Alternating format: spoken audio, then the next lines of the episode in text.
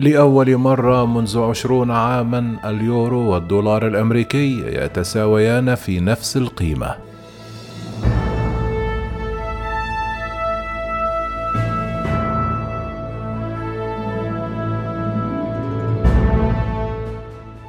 لأول مرة منذ عشرون عاما يتساوى اليورو والدولار في نفس القيمة. بلغ اليورو واحد دولار يوم الثلاثاء منخفضا بنحو 12% منذ بداية العام وتكثر المخاوف من حدوث ركود اقتصادي في القارة بسبب ارتفاع معدلات التضخم وعدم اليقين بشأن إمدادات الطاقة بسبب الغزو الروسي لأوكرانيا. يحاول الاتحاد الأوروبي الذي تلقى ما يقرب من 40% من غازه عبر خطوط الأنابيب الروسية قبل الحرب تقليل اعتماده على النفط والغاز الروسيين.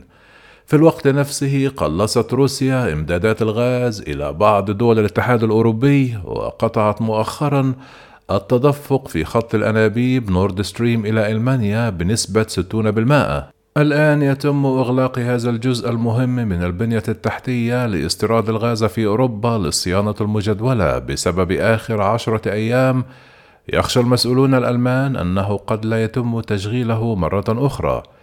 تأتي أزمة الطاقة جنبا إلى جنب مع التباطؤ الاقتصادي الذي ألقى بظلال من الشكوك حول ما إذا كان البنك المركزي الأوروبي قادر على تجديد السياسة بشكل مناسب لخفض التضخم.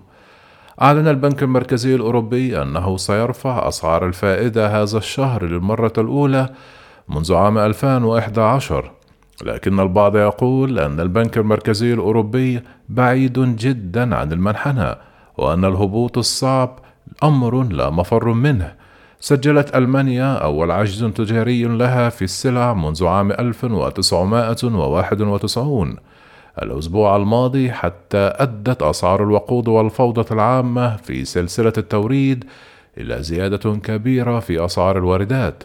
كتب استراتيجي العملات الأجنبية في ساكسو بانك نظرا لطبيعة الصادرات الألمانية الحساسة لأسعار السلع.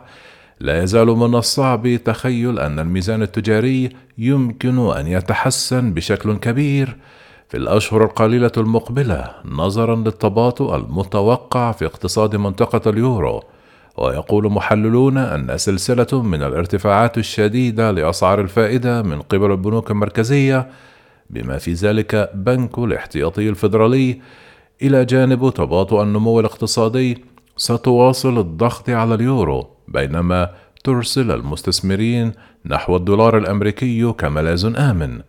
يتقدم بنك الاحتياطي الفيدرالي الأمريكي كثيرا على أوروبا في حالة التضييق حيث قام برفع أسعار الفائدة بمقدار 75 نقطة أساس مع إشارة إلى أن المزيد من الزيادات في الأسعار ستأتي هذا الشهر. قد يصبح تراجع هذا الملاذ الآمن إلى الدولار الأمريكي أكثر حدة إذا دخلت أوروبا والولايات المتحدة في حالة ركود. كما حذر جورج سافليوس رئيس قسم أبحاث العملات الأجنبية في دويتشا في مذكرة له في الأسبوع الماضي. كتب أن الموقف الذي يتم فيه تداول اليورو دون الدولار الأمريكي في نطاق يتراوح بين 0.95 إلى 0.97 يمكن الوصول إليه جيدا إذا وجدت كل من أوروبا والولايات المتحدة نفسيهما تنزلقان إلى ركود أعمق في الربع الثالث بينما لا يزال الاحتياطي الفيدرالي يرفع أسعار الفائدة. هذه أخبار جيدة للأمريكيين الذين يخططون لزيارة أوروبا هذا الصيف لكن يمكن أن تكون أخبار سيئة للاستقرار الاقتصادي العالمي.